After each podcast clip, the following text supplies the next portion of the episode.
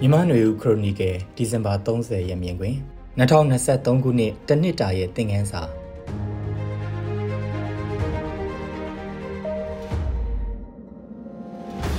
2023ခုနှစ်ကုန်ဆုံးဖို့တရက်တာကြန့်ရှိတဲ့အချိန်ကာလမှာတွေးတောမိတဲ့အချက်တွေကတော့2023ခုနှစ်တနှစ်တာအတွင်းဘာတွေဖြစ်ပျက်ခဲ့တယ်လဲ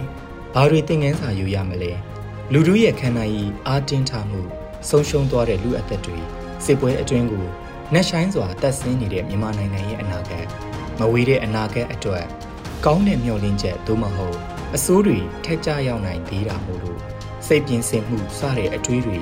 ခေါင်းထဲတွေးတောမိစေတာဖြစ်ပါတယ်။ပြက်ကလေးနှစ်တစ်နှစ်ဟာတလာချင်းစီစိတ်ကြည့်ရင်12လတာရှိတာဖြစ်ပါတယ်။12လတာအတွင်းတလားစီထက်စိတ်မဲဆိုရင်ဖြစ်ရကြီးကြီးမားမားတစ်ခုကိုတလားနဲ့တဲတဲကွယ်ကွယ်ပေါ်လွင်အောင်မသိနိုင်အကဲမဖြစ်နိုင်တာမို့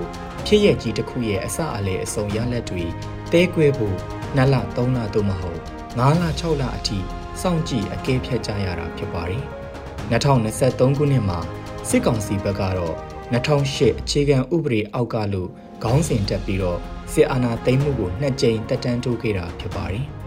2023ခုနှစ်ဖေဖော်ဝါရီလမှာတစ်ကြိမ်6လတက်တန်းတိုးခဲ့ပါတယ်တက်တန်း6လတိုးတာနဲ့အတူနောက်တရက်မှာပဲ မြို့နယ်38မြို့နယ်ကိုစစ်အုပ်ချုပ်ရေးကြီးညာခဲ့ပြီး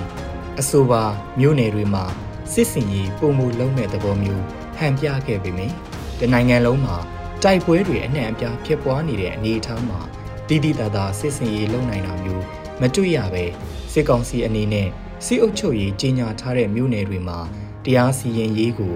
စစ်ဘက်တရားရုံးနဲ့စီရင်ပိုင်ခွင့်ရှိလာတဲ့အခြေအနေမျိုးသာဖြစ်လာတာပါ။တပံနော က်ထပ်6လအကြာဩဂုတ်လမှာရွေးကောက်ပွဲကျင်းပဖို့လုံခြုံရေးအခြေအနေမရှိသေးဘူးဆိုတဲ့အကြောင်းပြပြီးနောက်ထပ်6လတက်တန်းတိုးခဲ့ပြန်ပါတယ်။စစ်ကောင်စီကရွေးကောက်ပွဲကိုလက်ရှိဖြစ်ပွားနေတဲ့အခြေအနေအောက်မှာကျင်းပဖို့တဲ့အာဏာကိုဆက်လက်စုပ်ကိုင်ထားဖို့ရည်ရွယ်ထားတာ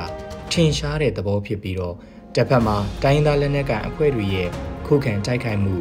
PDF အဖွဲ့တွေရဲ့ခုခံတိုက်ခိုက်မှုတွေပုံမူပြင်းထန်လာတာသာ ကြုံရတဲ့အနေအထားမျိုးတွေ့ရမှာဖြစ်ပါတယ်။စီရေးလှုပ်ရှားမှုတွေအရကြည့်ရင်2023ခုနှစ်ဟာစစ်ကောင်စီအခုတိတာထင်ရှားတဲ့အရှုံးတွေနဲ့ရင်ဆိုင်ရတဲ့နှစ်ဖြစ်တယ်ဆိုတာအော်တိုဘာလ29ရက်မှာစတင်တဲ့တစိ29စစ်စင်ရေးအရာထင်ရှားနေတာဖြစ်ပါတယ်။စစ်စခန်းငယ်တွေကအစပြုလို့ဒါကားဆလို့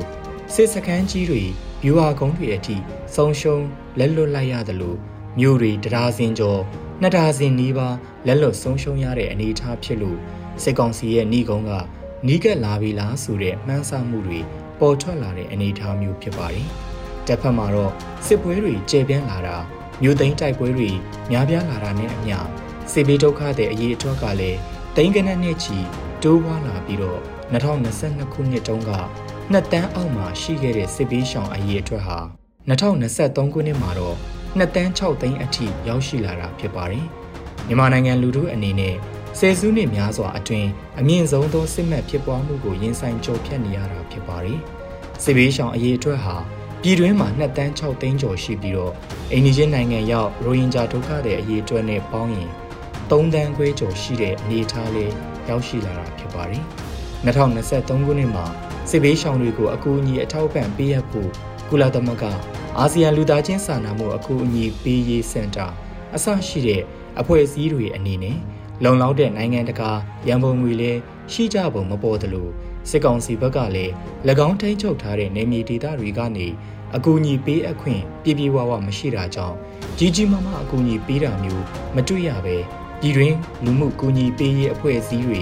မိမိလူမှုအတိုင်းဝိုင်းအချင်းချင်းကကူညီမှုမျိုးတွေနဲ့သာအသက်ရှင်တန်ဖို့ကြိုးစားနေကြရတဲ့အနေအထားဖြစ်ပါတယ်။ ကမ္ဘာမှာလည်းမြမအရေးနဲ့ပတ်သက်လို့အာယုံစိုက်မှုထူးခြားစွာတိုးတက်ရရှိလာတာမတွေ့ရပဲ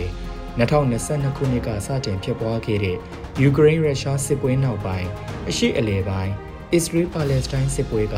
နိုင်ငံတကာရဲ့အာယုံစိုက်မှုကိုဆွဲယူသွားတာဖြစ်ပါတယ်။2023ခုနှစ်အတွင်းမှာ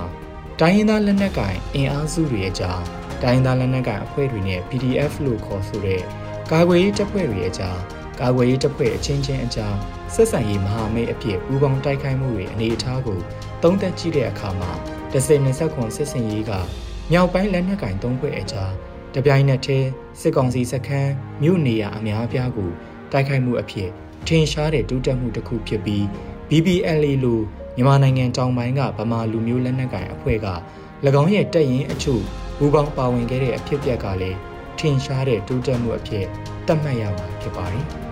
တစ်ဖက်မှာလည်းလူမျိုးစုအမျိုးမျိုးအခြေစိုက်နေထိုင်ကြတဲ့ရှမ်းမြောက်လူဒေသမျိုးမှာ TNL နဲ့ MNDAA ကနေမြေတိုးချဲ့မှုအဖြစ်စိုးရိမ်မှုတွေရှိနေကြတာလဲလက်ရှိမြေပြင်ကအနေအထားတချို့ဖြစ်ပါတယ်။ကချင်လူမျိုးရှမ်းလူမျိုးတွေရောနှောနေထိုင်ကြတဲ့ရှမ်းပြည်နယ်မြောက်ပိုင်းရဲ့နိုင်ငံရေးစစ်ရေးအနေအထားကစစ်ကောင်စီကိုဖယ်ရှားလိုက်တဲ့နောက်အခြားသောလက်နက်ကိုင်တပ်ဖွဲ့အချင်းချင်းအကြားပို့တိုက်မှုတွေပေါ်ထွက်မလာအောင် တတိကြီးကြီးထားလှုံ့ဆော်ကြရမယ့်အခြေအနေမျိုးလည်းဖြစ်ပါတယ်။2023ခုနှစ်အတွင်းစီးပွားရေးအခြေအနေလူလူရဲ့လူမှုဘဝတွေလုံခြုံတဲ့လူမှုဘဝစတဲ့အချက်တွေကိုကြည့်ရင်မကြုံဘူးတဲ့ငွေကြေးဖောင်းပွားမှုစစ်ပွဲတွေနဲ့အတူမြို့ရွာတွေကိုပိတ်ဆို့ဖျက်တောက်မှုရဲ့အကျိုးဆက်အနေနဲ့စားတောက်ကုန်မတန်တဆဈေးတက်ခြင်းလူသုံးကုန်ပစ္စည်းတွေရှားပါးတာတွေက2023ခုနှစ်ရဲ့ဖြစ်စဉ်တွေတည်းတိတာထင်ရှားတဲ့အဖြစ်အပျက်တွေဖြစ်ပါတယ်။ စစ်ပွဲတွေပုံမှုပြင်းထန်လာလေလေကြီးမြင့်လာတဲ့စစ်စရေးအတွက်စစ်ကောင်စီကဒေါ်လာချူတာမှုလှုပ်ဆောင်မှုတွေကြောင့်လောင်စာစီရှားပါးတဲ့ပြဿနာကလည်းတည်ယူပို့ဆောင်ရေးတင်မကပဲကုန်ထုတ်လုပ်မှုတွေကိုပါထိခိုက်စေပြီးတော့အဆိုးတန်တရားကိုစတင်စေတာဖြစ်ပါတယ်။လောင်စာစီဈေးကြီးမြင့်တာဝယ်ရခက်ခဲတာကရေလုပ်ငန်းစိုက်ပျိုးရေးလုပ်ငန်းစမှုစုံတွေအထိဆိုးရွားစွာထိခိုက်စေပြီးတော့တနိုင်ငံလုံးအတိုင်းအတာနဲ့တက်ရောက်နေတဲ့အနေအထားဖြစ်ပါတယ်။ 2023ခုနှစ်နှစ်လယ်မှာမြန်မာကျပ်ငွေတန်ဖိုးကတကြော့မြင့်တက်ခဲ့ပြီးတော့ယမန်နှစ်ကဒေါ်လာကျပ်2800-2900ဝန်းကျင်ရှိတဲ့ကျပ်ငွေလဲနှုန်းကနှစ်ကုန်ကာနီးမှာ3500-3600ကျပ်ထိရောက်ရှိနေပြီဖြစ်ပါတယ်။စစ်ဘေးကြရောက်နေတဲ့ဒေသတွေတင်မကစစ်ပွဲဖြစ်ပွားခြင်းမရှိတဲ့မြို့တွေမှာလည်းရာဇဝမှုတွေကပုံမမြင့်တက်လာနေပြီးတော့ ပြည်သူလူထုအနေနဲ့မိမိတို့လုံခြုံရေးကိုမိမိတို့ဘာသာစောင့်ရှောက်ကာကွယ်ရမယ့်အနေအထားဖြစ်လာနေတာဖြစ်ပါတယ်။ဓမြတိုက်မှုတွေပစ္စည်းယူမှုလူတက်မှုတွေမြို့အတော်တော်များများမှာဖြစ်ပွားနေပြီးတော့ဘယ်လူရဲမှုဓမြတိုက်မှုတွေကိုမှစစ်ကောင်စီရဲ့တရားဥပဒေစိုးမိုးရေးရန်တရားကဖော်ထုတ်နိုင်ခြင်းမရှိတာလဲတွေ့ရမှာဖြစ်ပါတယ်။လူထုအနေနဲ့2023ခုနှစ်ကုန်လို့ပြီး2024ခုနှစ်မှာဆီယနာရှင်စနစ်ကိုဖယ်ရှားနိုင်ဖို့ဖက်ဒရယ်နိုင်ငံတစ်ကိုတည်ဆောက်နိုင်ဖို့ ငြိမ်းချမ်းရေးရဖို့မျှော်လင့်ထားကြမှာဖြစ်ပြီးအဲ့ဒီအခြေအနေကိုရောက်ရှိဖို့ညီညွတ်ရေးဘုံနိုင်ငံရေးသဘောတူညီမှုနဲ့အဖွဲ့အစည်းတစ်ခုအကျိုးစီးပွားထက်အများအကျိုးစီးပွားကိုဦးစားပေးမှုတွေရှိဖို့လိုအပ်နေတာလည်းဖြစ်ပါတယ်